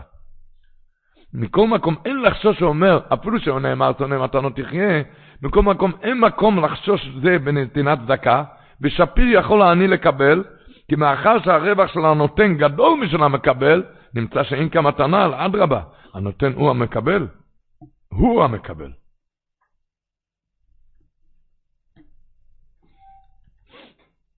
מביא החופץ חיים בספרו עמוד החסד. אומר, זה לקט המרים מהחופץ חיים, הוא כותב שם ככה. איש אחד, אני אקריא את הלשון שלו, הוא כותב, איש אחד שהיו לו בנים ומתו כולם רחמנא ליצלן. לא נשאר אצלו בן. מתו קטנים. בא לפני חכם שייתן לו עצה וסגולה לעניין זה. הוא כותב בא לפני חכם, הוא לא כותב מי היה החכם, אחרי שהוא נפטר, אמר בל מחבר ספר אפיקי ים, אפיקי ים הידוע, הוא אמר שזה היה עם, זכר את הסיפור, זה היה עם החפץ חיים בעצמו. שעוד פעם, איש אחד שהיו לו בנים ומתו כולם רחמנא ליצלן, בא לפני חכם, שייתן לו עצה וסגולה לעניין זה, השיב לו החכם, אני יודע סגולות, אני לא יודע סגולות. סגולות. אך עצתי שתשיג גמח קבוע בעיר, אולי ייתן השם שבזכות מידת החסד שתתנהג עם אנשים, יתחסד השם יתברך עמך וייתן לך בנים. האיש שמע לעצתו, ועסק הרבה בעניין זה, עד שעשה גמח קבוע בעיר, והוא קיבל על עצמו את המצווה להתעסק בעניין זה, להלוות על משכונות, ועשה פנקס עם תקנות לעניין זה כנהוג. פנקס עם תקנות של הגמח. בתוך התקנות היה כתוב, שפעם אחת לשלוש השנים, פעם אחת בשלוש שנים, בפרשת עם כסף תלווה, פרשת השבוע, פרשת משפטים, פרשת עם כסף תלווה, יתאספו הכל, אסיפה של כל, כולם, ויעשו סעודה שיהיה חיזוק למצווה זו. סעודה לחיזוק למצווה זו. ויהי בכלות ג' השנים שהיו צריכים לעשות, לעשות uh, סעודה, היה יום שהיה ברית של הבן שלו. הראו לו מהשמיים שזה בזכות... ויהי בכלות ג' שנים נולד לו בן, ומן השמיים הראו עוד שהוא בזכות המצווה, איך, שמה? שאירע יום שמיני, יום המילה, באותו יום שכבר נקבע זמן רב קודם לכן ליום אספת הקהל לצורך הגמח. הרי בהתחלה, לפני שלוש שנים, קבעו שפעם אחת בשלוש שנים יהיה סעודה לחיזוק מצווה זו. ומה עשה הקדוש ברוך הוא? כדי שיראו ויבינו שזה בזכות המצווה נולד לו הבן, מה עשה הקדוש ברוך הוא? שיום השמיני, היום הברית היה ב- ביום שלישי פרשת עם כסף תלווה. תשמעו טוב, ממשיך החפץ חיים. האיש הנ"ל עסק הרבה במצווה זו, כמה וכמה שנים. במשך השנים נולדו לו עוד כמה בנים, אך ברבות הימים שכח טובתו של הקדוש ברוך הוא. ובא לפני החכם וביקש ממנו, היות שהוא מוטרד מאוד והגמח נתגדל, גם יש אנשים מפקפקים עליו, אתם יודעים, כמו עם כל מנהל גמח, אנשים מפקפקים, על כן בקשתו הוא ביקש מהחכם, זה היה חפץ חיים, ביקש ממנו שימנו נאמן אחד שיעסוק בגמח, הוא לא רוצה, רוצה להתפטר. והחכם מיים בזה, החכם מיים בזה באמרו, החכם אמר לו, בוודאי אחר לא ינהל הגמח בטוב כאשר הוא מנהל אותו. כי הוא היה לו את הכישרונות לנהל טוב. אך הוסיף והרבה להפציר בחכם שיעשה בקשתו, שמה? שימנו מישהו אחר, מנות מישהו אחר, עד שכעבור כמה שנים הוכרח להסכים לדבריו, ועשה קלפי מחדש, ונבחר נאמן חדש, נאמן אחר תחתיו לעסוק במצווה זו. זה היה, מעשה הזה היה בתחילת הלילה. בתחילת הלילה נבחר נאמן אחר. ויהי ממחרת, בא אצל החכם, ההוא בא לחכם הראשון, ויספר לו שקרה דבר נורא בזה הלילה בסופו, שנחנק לו ילד קטן אחד. ותלה שבעבור עזיבתו את הגמר חירה לו. ומיד חזר והשיב לידו את הנהלת הגמח. עוד באותו לילה הראו לו, הראו לו אז מהשמיים היה עם הברית, ועכשיו גם הראו לך באותו לילה. נחנק לו ילד. הנך, אומר החפץ חיים, מה פירוש בכל הסיפור הזה? הנך רואה בעליל, שבזכות החסד נולדו לו בנים, וכאשר נסתלקה מידת החסד, התחילה מידת הדין תקף להתגבר עליו. נמצא, עד עתה אומר, חושב שהוא מחזיק את הגמח, אחר כך הוא ראה שהגמח החזיק אותו. אתה ראה שהגמח החזיק אותו ואת בניו. על כן, יראה האדם להחזיק במצווה זו ולא להרפות ממנה. תמיד לעשות טובות עם יהודים, כי תבין טוב שאתה עושה רק לעצמך את הטובה. רק נותן אה, לעצמך. בכל מצב שבן אדם נמצא, בכל מצב שיהודי נמצא, כמו שהגמרא אומרת, במסכת סבומס ס"ג, המלווה סלע לעני בשעת דוחקו, עליו הכתוב אומר, אז תקרא והשם יענה תשבע ויאמר הנני. אומר הרב רב מנדל רימנבר, שהגמרא מדברת מלווה מעות לסלע בשעת דחקו, כשהמלווה דחוק. כשהמלווה דחוק. ואז הוא זקוק ונצטרך, ובכל זה מחסר משלו, בכדי לעמוד לימין העני, בזה הוא מעורר על עצמו רחמים גדולים, והוא מובטח שיתקבלו תפולתיו. בזה מתפרש לשון הכתוב, אם כסף תלווה את עמי, את העני עמך, אפילו כשאתה עני. אפילו כשהמלווה עני. הבית ישראל היה אומר שהדברים לא נאמרים רק להלוואת כסף, זה גם ברוחניות. אפילו אם אתה בעצמך צריך ישוע במצב הרוחני, אבל תעזור לאחרים, לרוממם, זה גם מלווה סלע לעני בשעת דוחקו. להאיר פנים לחברים,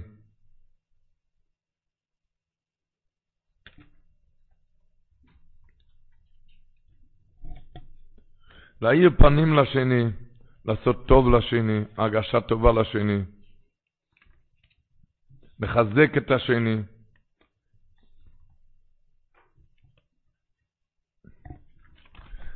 יו. כי איך אומרים? המרשו אומר, היה שבוע שעבר ט"ו בשבט. הגברה שם אומרת בתענית דף אי, אתם זוכרים? לאדם שהיה הולך במדבר והיה רעב ועייף וצמא, מצא אילן שפירותיו מתוקים וצילו נאה. כן, מה כתוב שם? אילן אילן במה יברכך? פירותיך מצוקים וצילך נאה. המרשע הקדוש שומר על המקום, מה זה צילך נאה?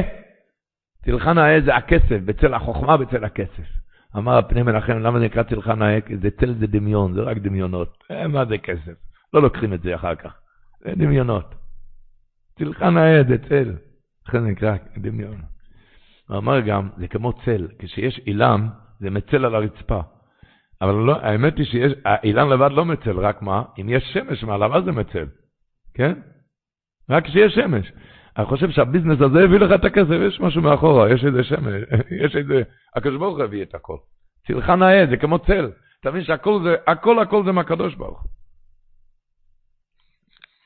והכל הכל להבין שהכל מאת השם. איך אמר רבי זרוב זכרנו בברוכה, שאומרים, קוראים לו מחותן, זאת הוא מחתן, לא מחותן. הוא אומר לו, כי אתה לא מחתן, אתה מחותן. מחתן זה הקדוש ברוך הוא.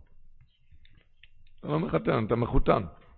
וממילא, רק אם האמונה תיתן, אמונת איסון בבוירי אוילום, להתחזק בכל עץ ובכל זמן ובכל מצב. להתחזק. אומר הרב שלמה קלוגר, פרשת השבוע, כתוב, העירו את אלוקי ישראל בסוף הפרשה, וסחס רק לו כמעשר לבנוס הספר. וכעצם השמיים לתויר. אחר כך כתוב, ויחזו את האלוקים ויאכלו וישתו.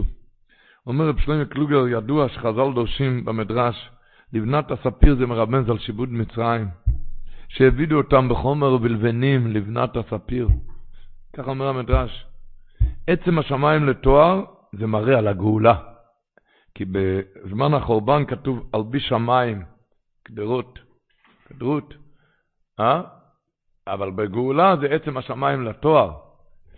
אז אומר רב שלמה קלוגר ככה, תדע שמעשה, מתחת לגביו כמעשה לבנת הספיר שמרמז על שיבוד מצרים. אחרי עצם השמיים לתואר שזה מרמז על זמן הגאולה. תדע להראות להם שאין השיבוד ואין הגאולה, אין עניין אחד, כולם שווים לטובה. כי גם הרעה הגדולה, כקושי שיבוד מצרים, זה רק מוחבא כאן טובה. כמעשה לבנת הספיר וכעצם השמיים לתואר. עצם השמיים לתואר זה הגאולה. זה הגאולה. ולבנת הספיר זה השעבוד. ראו ויראו את אלוקי ישראל עשרה ראו את הכל ששתיהם זה טובה. ולכן ויחזו את האלוקים, אלוקים זה מידת הדין, אבל הם ראו איך שמוחבא כאן טובה, לכן ויאכלו וישתו. להראות שבהכל, הכל מוחבא טובה, כמו שמובא השבוע בטור בפירושו על התורה, ומוישה זקני מביא את זה בשם הראש, דבר נורא. כתוב בסוף הפרשה. ולמוישה אומר, עלה אל השם, עטו והאהרון, נודו ואביהו, ושיבי מזקני ישראל. עלו, זה היה לפני, לפני הר סיני, כן? לפני מתן תורה, זה כתוב בסוף פרשת השבוע המשפטים. עוד פעם, הקדוש ברוך הוא אמר, ולמשה אמר עלה אל השם אתה ואהרון, נודו ואביהו, ושבעים מזקני ישראל. מה עם אלעזר ויסומו? למה הם לא עלו? שואל הטור בפירושו על התורה, על התורה, המקור הדברים זה הראש. תימה, תימה לי, למה לא עלו אל אלעזר ואיתמר? שהרי גדולה מעלתם ממעלת הזקנים. הזקנים כן עלו. הטוב, הארון, נודו ואביהו ושבעים מזקני ישראל. הם היו יותר גדולים מהזקנים. מאיפה אתה יודע? מהגימורו בערב ונ"ד. הגימורו מספרת כיצד סדר, כיצד סדר משנה. קודם, אה, משה רבינו ירד מההר, הדבר הראשון נכנס הארון, למד עם הארון, אחר כך עם הבנים, ואחר כך עם הזקנים. הגמרא מספרת ככה, נסתלק הארון, שנו בניו לזקנים ולכל העם. הבנים של הארון, הם לימדו לזקנים. זאת אומרת שהזקנים היו תלמידים של בני אהרון. אז אלעזר ויסומר הם היו גדולים בחוכמה מהזקנים, שכן הם מלמדים אותם את התורה. אז מדוע הזקנים עלו על הר סיני ואלעזר ויסומר נשארו מאחורה? אה? למה? תשמעו טוב מה אומר, מה אומר הראש. הקדוש ברוך הוא לא נסכנו על לילויס. הוא ידע שבעלילה זו נתחייבו, מהעלייה הזאת הם נתחייבו שרפה. מה היה? ויחזו את האלוקים ויאכלו וישתו. בעלייה הזאת הם התחייבו שרפה, רק מה? הקדוש ברוך הוא לא רצה לערבב שמחת התורה במעמד הר סיני, לכן המתין לנודו ואביהו, הם נפטרו, נשרפו מתי? מתי נשרפו? שנה הבאה באלף ניסן, והשבעים זקנים מתי? בתבערה, שם בערה בהם אש, אש השם. אומר הראש, מתי הם התחייבו? כשבמעמד הר סיני. אז הוא אומר, משום שהקדוש ברוך הוא לא נתקנו עלילות, וידע שבעלילה זו נתחייבו, ולכן, אילו היו גם אלעזר ואיתמר עולים על ההר, היו גם הם מתים, ונמצא שנחרט כל זרע הארון. ולא רצה הקדוש ברוך הוא שיכרת זרע הכהונה הקדושה, על כן מתחילה לא נתן להם לעלות ההרה. רבותיי, תעמדו ותתארו לעצמכם איך מרגישים הבנים. אלעזר ואיתמר, שתי אחים עלו ואנחנו למטה. איך מרגישים? אה? איך מרגישים, אחים? הקדוש ברוך אומר, אני רוצה להציל לך את החיים. איך מרגיש אבא? הוא יודע, הבנים שלי הם היו המלמדים של הזקנים, והתלמידים הזקנים עולים, והבנים שלי לא עולים. אלעזר ואיתמר, רואים, התלמידים שלנו עולים, אנחנו לא. והקדוש ברוך הוא לא ינסקנו עלילה, זה רוצה להציל אותך. אה, הוא רוצה להציל אותך. על זה, אתם יודעים, הטעמים אל מוישה עומר, עלה אל השם, זה אל משה אמר, קדמה ואזלה, עלה אל השם זה מונח רביעי. אומר, קדמה ואזלה, מונח רביעי. אז מסברים, זה כבר בדרך מליצה, מרמזים, מונח רביעי, היו ארבעה בני אהרון, והניחו והשאירו שתיים. קדמה ואזלה, כי הקדוש ברוך הוא שמביט מראשית אחרית, קדמה, הוא ראה שאזלה, שהקדים לראות שהעולים על ההר, אזלה, הם ילכו מהעולם בטרם עת. לכן מונח רביעי, הקדוש ברוך הוא רצה להשאיר כמה, ארבע בני אהרון, לכן הוא אמר רק נדב ואביהו אלעזר ואיתמר שיישארו. רבותיי, בין והתבונן זה התורה רוצה ללמד אותנו. בן אדם נראה לו, פי, למה השאיר אותי? למה השאיר אותי? תבין שתמיד זה מהקדוש ברוך הוא. תמיד זה מהקדוש ברוך הוא, אפילו שנראה לך שהבן אדם עשוי הזה, אז זה עשה אפליות ביני למישהו אחר. אבל הכל זה מאת השם, ורוצים להציל לך את החיים. רוצים להציל לך את החיים. זה גם, תראה איך שהאבא התנהג. הארמור ידע, מי עשה את זה? זה הקדוש ברוך הוא, זה הכל לטובה. זה להצלת חיים. אלעזר ואיתמר גם ידעו, אנחנו המלמדים, לקחו את התלמידים, לא משנה, זה הכל מאת השם, זה הצלת חיים. וקודשא בריחו אומר, תמתינו ותראו שרק בזכות ההשפלה הזאת, רק בזכות הזה נשארתם בחיים, ורק בזכות הזה נשאר לאהרון, לאבא הקדוש, נצר וזכר לזרע אהרון, וכל הכהנים בעבודת הכהונה לדורי דורות תהיו נמנים על יוצאי חלציכם בזכות ההשפלה הזאת. איזה אבא אחר, אה, אצלנו בשפה, היה משתולל, מה עם הילדים שלי? למה, למה הילדים שלי? למה, למה, למה, למה? ורק בזכות זה נשאר, נשאר, נשאר לו דורות עולם עבודת הכהנים. רק בזכות זה.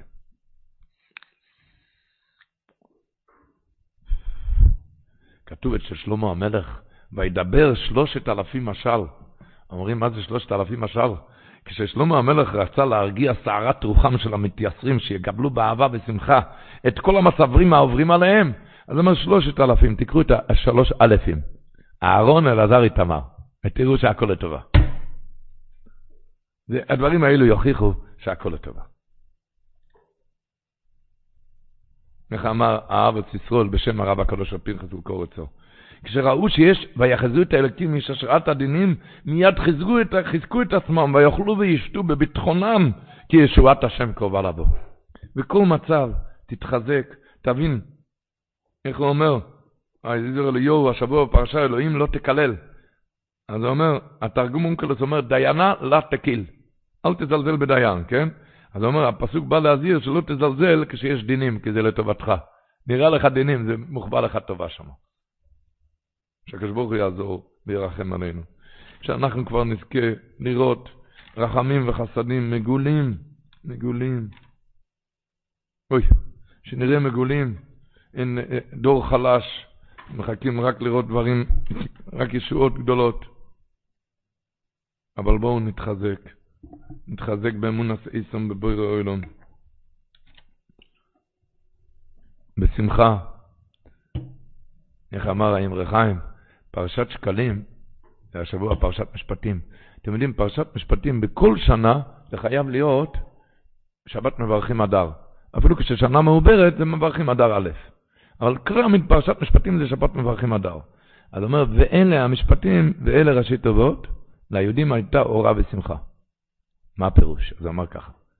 חז"ל אומרים, כל מקום שנאמר אלה, פוסל את הראשונים. ואלה מוסיף על הראשונים. אמר האמרי חיים כך, כשיהודי חוטא הוא בחושך. עושה תשובה, יש לו אור. אלה ראשי תיבות, ראשי תיבות, ליהודים הייתה אורה. אתה יודע מתי? כשפוסל את הראשונים, עושה תשובה על הראשונים. פוסל את הראשונים, מתחיל דרך הדרשה, ליהודים אותה אורה. אומר האמרי חיים, הגמרא אומרת, יהודי עושה תשובה מהירה, זדונות נעשות לו כשגגות. עושה תשובה מאהבה, זדונות נעשות לו כזכויות. אז אומר, ואלה ראשי תיבות לעידים הייתה אורה ושמחה, תשובה מאהבה, מוסיף על הראשונים, כי תשובות זדונות נעשות לו כזכויות. עוד פעם. אלה לראשי תיבות ליהודים הייתה אורה. כשיהודי חוטא הוא בחושך, עושה תשובה נהיה לו אור, פוסל את הראשונים כשמפסיק עם הדרך הישן. אבל ואלה ליהודים הייתה אורה ושמחה, תשובה מאהבה, מוסיף על הראשונים. נוסיף על הראשונים. למה? כי עכשיו נזדונות נעשות לו כזכויות. מוסיף. אז ממילא, רבותיי, נוסיף על הראשונים, נתחיל להתחזק. להתחזק. אומרים, היה איזה חלפן, כספים, שמי שנכנס אליו, החלפן אמר לו, תשמע, יש לי איזה עסק טוב בשבילך. מה? אתה תיתן לי 5,000 דולר, ואני אתן לך 15 מזויף. מה, מזויף? מה, אני נורמלי? מזויף? הוא אומר, המזויף, תדע לך, זה בדיוק אותו דבר כמו האורגינלי. אדרבה, אתה יכול לקחת את זה ותלך לכל בנק, לכל צ'יינג' ותראה שכולם, זה בדיוק. שם לו את החבילה על השולחן, 15,000 דולר. 15,000 מזויפים. הוא אמר לו, לך לכל בנק. הוא עשה את זה כמה חבילות, הוא הלך, הוא רצה באמת לבדוק, אז הוא לקח את הראשון של החבילה הזאת, את האמצעי של החבילה הזאת, האחרון של החבילה הזאת, והוא הלך לעשר בנקים. לכל בנק הוא לקח ככה, ערבב, כי הוא פחד, אולי רק זה מזויף, אולי רק זה, אולי רק זה, אולי זה אורגינלי וזה, לקח מכאן ומכאן ומכאן ומכאן, הלך לעשר בנקים, כולם יח, אמר, אמרו ביחד שמה? לא מזויף, אמיתי. ככה זה ממש עסק, אה? שו, עסק טוב נראה לו. אז אה, למה לא? כן, נתן את החמש, לקח את החמש עשרה, הוא רואה שכל הבנקים, מחר הוא הולך לסחור, ירוויח עשר, נכון? יפה. הלך ברחוב אחר כך, על יד איזה רמזור, איזה שוטר עצר אותו. והוא פיחד, הוא ידע שיש לו כמה זויפים, כן? אז אה, אמר לו, תעצור! מה יש לך בחבילה? והשוטר עוצר, והוציא את הדולרים, ואומר, זויף! הוא התחיל צעקות מזויף, ההוא פיחד, והוא פיחד על החיים שלו, מאסר עולם. בקיצור, הוא השאיר את, את, את כל החבילה וברח הביתה, עוד בו נשמתו סגר את הדלת אחורי סורג ובריח, עד שהוא נשם לרווחה. אחרי שהוא נשם לרווחה, חשב בדעתו, מה הייתי טיפש? הרי הלכתי לבד בכמה בנקים, כולם אמרו שזה אמיתי. מה פתאום אמרתי לשוטר שזה... למה הייתי צריך לצעוק לו, בואי איתי לבנק, תראה שזה אמיתי. בואי איתי לבנק. מה עשיתי? בואי, מה עשיתי? שאלתי שם 15,000 דולר. מה? הוא החליט, צלצל למשטרה. הגיש תלונה, שוטר עצר אותו, ואני אומר שזה אמיתי. בקיצור, המשטרה הראו לו תמונות מי היה שוטר, רצו לדעת מי, מי מחזיק את זה. התמונה הזאת לא, התמונה הזאת גם לא, התמונה הזאת גם לא, לא, לא, לא. בקיצור, עד שנותר, נדע, זה לא היה שוטר, הוא היה גנב. מה היה כאן? זה היה כנופיית גנבים, החלפן והשוטר. מה היה? הם, למעשה, האמת היא ש-15 אלף דולר האלו היו אמיתיים. זה, זה לא היה מזויף. הוא אמר לו, החלפן, שזה מזויף. למה? כי הוא העמיד את השוטר, השוטר גם היה חלק מהכנופיית גנבים. כאילו הציג את עצמו כששוטר, הוא צעק מזויף, ונתן לו אמיתי. ולכן בבנק באמת אמרו שזה אמיתי. והוא צעק לו מזויף, וככה השאיר וברח, וככה הם שללו ממנו את, את הכסף. ככה הם שללו ממנו את הכסף, את החמש אלף דולר הראשונים. אם היה לו שכל, היה צועק מה? זה לא מזויף, זה אמיתי. ככה היצר הרע עובד איתנו. אומר לי, אני יודע מה שבת שקלים, אבל אתה מזויף. אתה, אני רוצה לך, לא, אתה מזויף, התפילה שלך מזויפת, אתה אתה פשעת, התפילה שלך לא נראית, זה מזויף. וככה, מה הוא גורם? שהבן אדם עוזב את כל הדולרים שלו, את כל התורה ואת כל העבודה הוא עוזב. למה? כי הוא, צוע... הוא מציג את עצמו כמו שוטר, היצר הרע, הוא עוד אומר לי מה זה מזויף. הוא מציג את עצמו כמו שוטר, הוא גנב, הוא לא... הוא לא הוא מצ... השוטר הזה היה גנב, הוא לא היה שוטר. היצר, ככה היצר הרע עובד איתנו. הוא מציג את עצמו כמו כמו שוטר, הוא אומר לי זה מזויף, זה מזויף, כאילו הוא יודע, וככה הוא רוצה שבן אדם יעזוב את הכל. אבל בן אדם יצועק, זה אמיתי, הקדוש ברוך הוא מחכה עליי בשבוע האחרון של שובבים. זה אמיתי, יש לי סחורה אמיתית. לצעוק לו אמיתי. הוא, על זה הוא מחכה, הוא חיכה פשוט שתעזוב את התורה ואת התפילה. אז צועק לך מזויף. עושה את עצמו כמו שוטר והוא צועק לך מזויף. אבל אם אתה תבין, תבין מטבע של אש, לא תרבה. תמיד, להתעלות, להתחזק.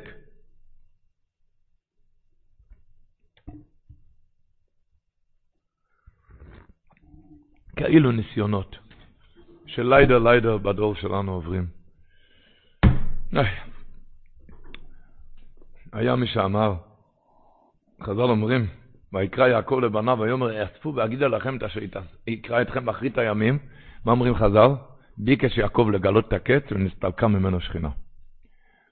הרש"ב מלבביץ' אומר, הרש"ב, הוא כותב בעוצר המאמרים שנת תרע"ט עמוד תרע"ח, הוא כותב שם דבר נורא. הוא כותב, האיש משה ענב מאוד מכל האדם אשר על פני האדמה.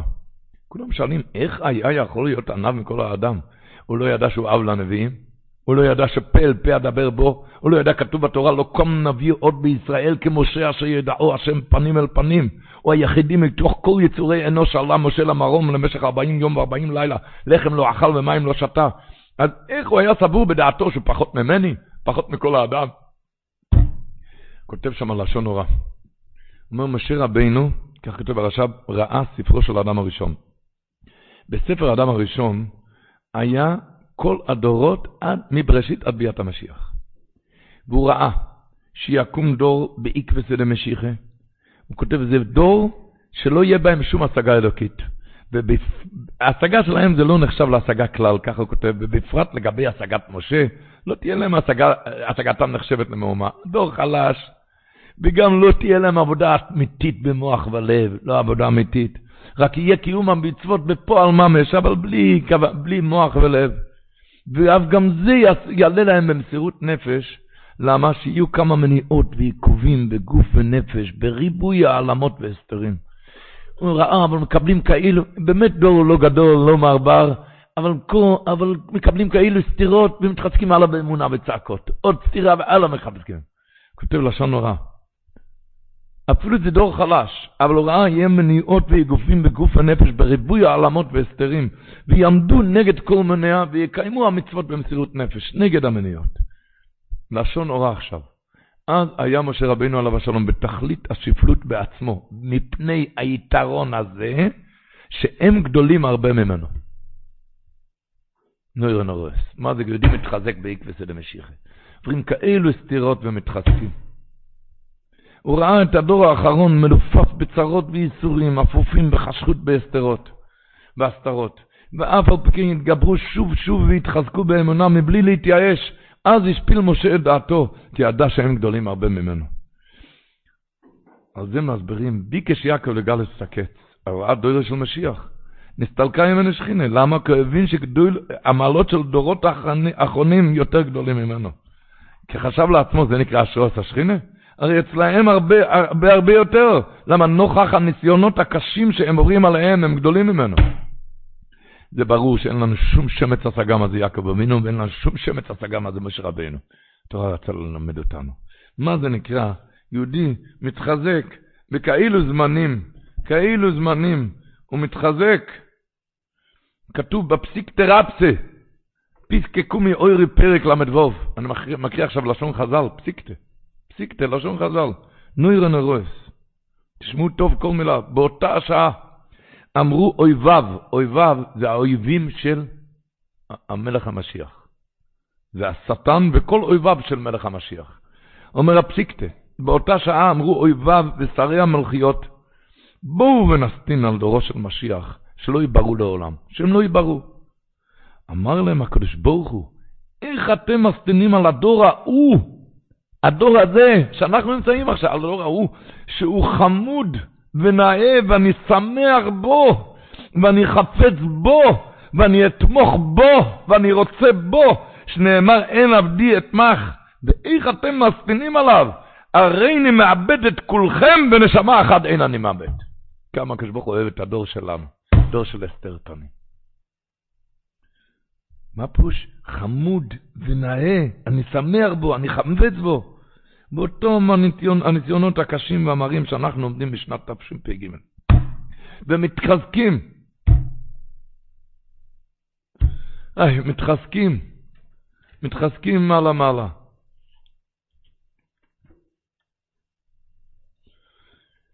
אנחנו נמצאים עכשיו בשבוע האחרון של שובבים.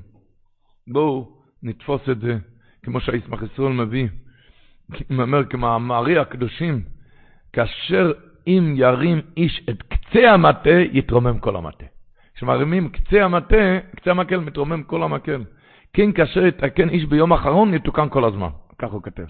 אנחנו בימים האחרונים של ימי השובבים, מסופר שהאדמו"ר מסטמר זצ"ל, הדברי יואל, היה בקלב, בעיר קלוב, לפני המלחמה, הוא הגיע, זין אודר היורצייט של רבי איזקל קלבר.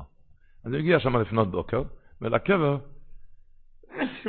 לקבר הוא הלך בשקיעת החמה. מישהו ניגש שם על אדמו"ר ואמר לו, רבי, יש לך איזה עניין לאחר? אתה נמצא לפנות בוקר, למה אתה עכשיו הגעת? הוא אמר לה, אה, אתה לא יודע? יריד לפני שסוגרים אותו, מוצאים את כל המציאות. עכשיו זה היריד לפני שסוגרים את ימי השובבים, רבותיי. בימים האחרונים. ניקח את עצמנו, כל אחד במשהו. אם, כמו שדיברנו, שבן אדם ייקח לעצמו יום אחד, שיהיה כולו קודש לשם. היום אי אפשר לדבר על צומות, אבל אה, לא, בלי לצום, תיקח יום שיהיה כולו קודש לשם. תהיה דבוק בשכינה מה שיותר. יום אחד תהיה קדוש. יום אחד כל מה שיותר ללמוד, מה שפחות לדבר, מה שיותר דבוק בשכינה, לקחת לעצמו. הייתי מציע שלילה לפני כן תעשה לעצמך סדר היום על היום הזה. קח לך יום בשבוע האחרון. בקצה המטה ירים את כל המטה. כן.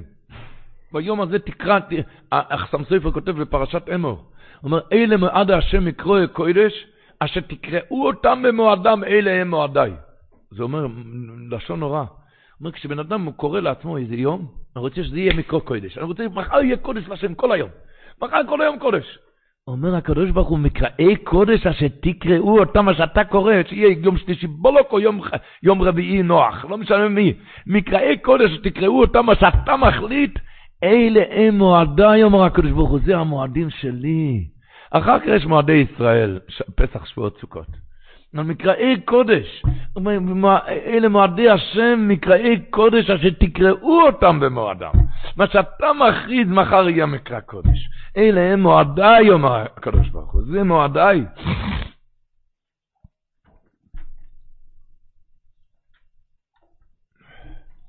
זה מועדיי.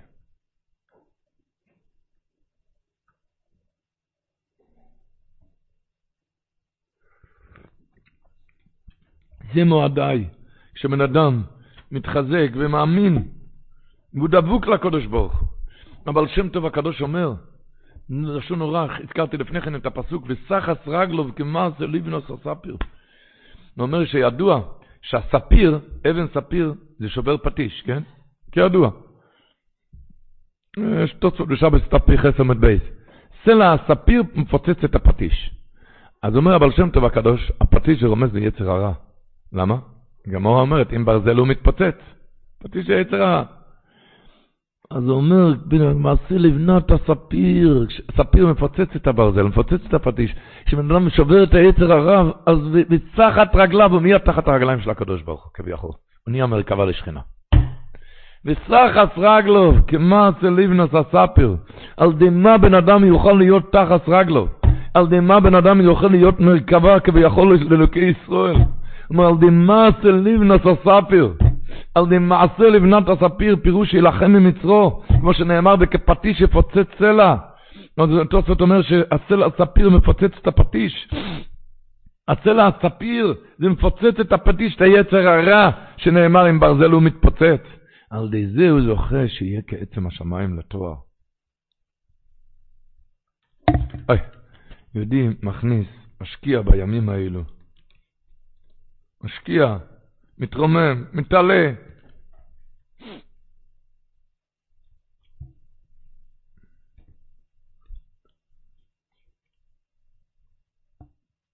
כל עם האמונה הקדושה, המרמשיק אומר, ויראו העם את השם ויאמינו בהשם במשה עבדו, אז ישיר משה.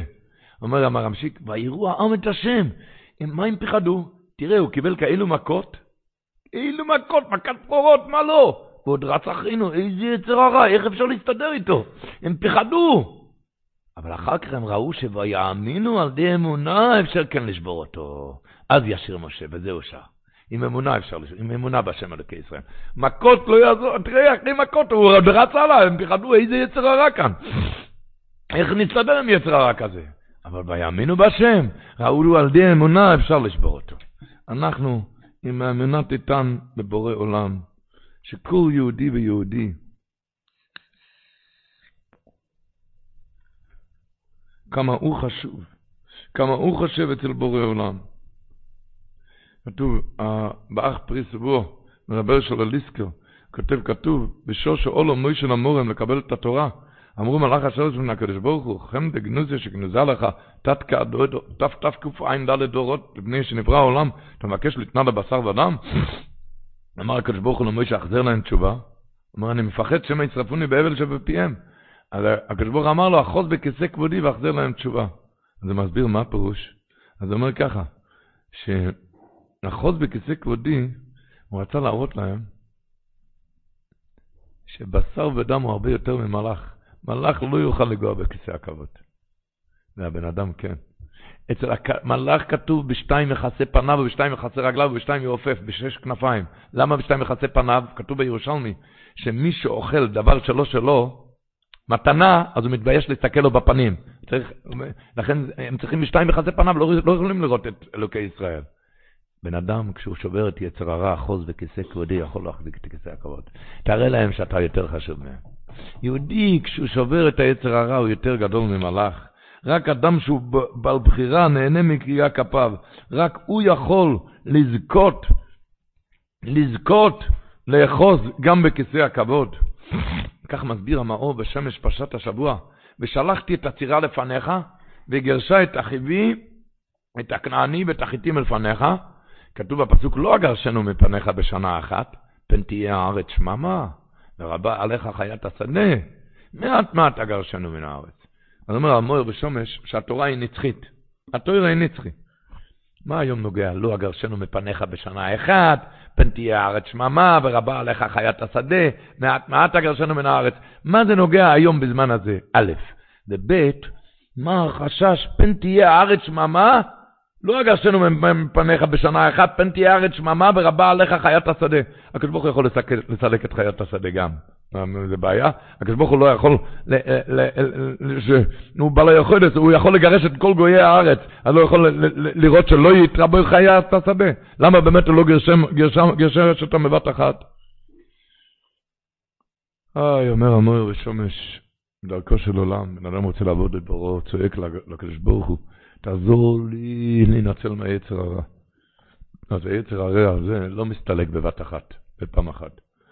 אפילו מהכניע אותו בעניין אחד, מתגבר בדבר אחר. כל יום בן אדם ניצב בפני מלחמת היצר בעניינים שונים. למה באמת? בן אדם צועק כל כך ובוכה. למה הקדוש ברוך הוא לא מסלק אותו לגמרי כליל? הלוא הוא צועק במר נפשו לפני השם יתברך, שיסיר ממנו לב האבן. ככה לשון שלו. הלוא הוא צועק במר נפשו לפני השם יתברך, שיסיר ממנו לב האבן. והוא יתברך שמו בעל היכולת כולם, ויכול לגעור בו שלא יסיט אותו עוד, כדי שיוכל לעבוד, עבודת השם יזבורך, אבוידו גבוה ורומו. אלא מה? אומר מור בשומש, כבר נודע שמלאך נקרא עומד. כי תמיד עומד במקום אחד, עובד את, כמו אתמול כיום, אתמול כי יעבור, כך יהיה גם מחר. האדם הוא בחינת הולך, למה? הולך ועולה ומתעלה, למה? אומר דהיינו, כל יום ויום כובש את יצרו, משבר תאוותו מעט, והיצרה עומד נגדו, מתחזק יותר, ומכניע את היצרה עוד מעט, עוד קצת, ביום אחר הוא עומד נגדו בעניין אחר, ואדם מתגבר נגדו, כובש את יצרו גם בזה. זה העבודה, זה שעשועים לפניו יתברך. ולכן הצדיקים גדולים מהמלאכים. אני הולך והצד... והמלאך עומד. מחיצתם תהיה לעתיד לבוא לפנים מהמלאכים. אז מסביר המאור בשמש, למה הקדוש ברוך הוא לא מסיר לו את היצר הרע בבת אחת, אתה יודע למה? למען הרבות שכרו שיהיה גדול יותר מהמלאך. אם אני בוחר שהקדוש ברוך הוא ייקח לי את היצר הרע, אם הוא לוקח ממני את היצר הרע, אתה לא תהיה יותר גדול ממלאך. הקדוש ברוך הוא רצה שאנחנו כן נהיה יותר גדול ממלאך. למען הרבות שכרו, שהוא יהיה גדול יותר מהמלאך, והקדוש ברוך הוא רוצה לזכות את ישראל, לכן מגרה בהם היצר הרע, כדי שיתגבר על יצרו ויהיה שכרו הרבה מאוד מן המלאכים. עכשיו הוא מסביר ככה, זה הפירוש, לא הגרשנו מפניך בשנה אחת. אני לא, כשאתה תצעק לי, תכניע את לבך ותצעק, תיקח ממנו את היצר הרע, אני לא אקח את זה בבת אחת. למה? פן תהיה הארץ שממה, הארציות יצר לך שמימי, אין יצר הרע. אז מה יקרה? אבל רבה עליך חיית השדה, חיית השדה זה המלאכים, הם יהיו יותר גדולים ממך. פן תהיה הארץ שממה, הארציות תהפך לשממה לשמיים, תהיה כולך רוחני, נתן ממך הבחירה, אז אם תהיה עומד, אתה תהיה גם עומד כמו מלאך, אז יהיה ברבה עליך חיית השדה, חיית השדה זה המלאכים, חיות הקודש, הם ירבו ויגדלו במעלה ממך, כי כל מעלת האדם זה די על ידי יצר הרע שבקרבו, על כן, מעט מעט אגרשנו מפניך, כדי עוד יצר הרע, עוד יצר הרע, ככה אתה תהיה כל הזמן יותר ממלאך. כמו שמובא באור החיים הקדוש, בפרשת קורח, הוא כותב שם, אלוקי ארוחות לכל בשר. ככה כותב, למעלה מהם, ככה הוא כותב, יש דרגת שירה של מלאכים למעלה, שהקדוש ברוך הוא נחת רוח. יש דרגת שירת הצדיקים למעלה, יש הקדוש ברוך הוא נחת רוח. אבל למעלה מהם, הכי גדול, השיר והשבח העולה מהנשמות אשר הם בעולם הזה. אשר הם תוך הבשר המונעה מעקירת השם. אמצעים תוך בשר שיש מניעות והסתרים, והם מתעצמים לאהוב השם ולשבחו להודות למאמרו. זה עליון וחשוק אצל הבורא למעלה מהכל. זה עליון וחשוק אצל הבורא למעלה מהכל. כי הם נמצאים תוך הבשר. דור כזה, דור שלנו, שהקראנו כבר מה שהרש"ב אמר. דור כזה, דור של משיח, כי הקראנו לפני כן לשון הפסיקתא. הייתי אתמול בלוויה, ולשמוע הלוויה של אברך כמה חודשים אחרי החתונה נפטר, הטרגדיה, הקדוש, רב אלתר שלמה לדרמן, ולשמוע איך שהאבא עומד על יד המיטה, ואומר, הוא מהלל את הקדוש ברוך על השנים שהוא נתן לו כזה בן. הוא אומר, ברוך אתה השם לא את השם. אבל ההוצאה ככה הוא צעק, ברוך אתה השם אלוקינו מלך העולם, אשר גידשון מצוותיו וציוונו לקרוא את ההלל, ודיבר ודיבר במעלת הבן, ואחר כך הוא אמר, ברוך אתה השם מלך מהולל בתשבחות. רבותיי, מלאכים מבינים כזה דבר? זה הרוח חיים הקודש אומר, זה אליום החשוק אצל הבורא למעלה מהכל. אבל הקדוש ברוך הוא יחוץ וירחם ויאמר לצרות ישראל די. צרות ישראל די, מי שנכנס אדר מרבים בשמחה. מרבים בשמחה, והקדוש ברוך הוא ירפא את שברון ליבם ויחזק את כל עם ישראל. אוימד וזויקף רוישון של ישראל. עולם שלם של תוכן מחכה לך בכל הלשון, 03 617 1111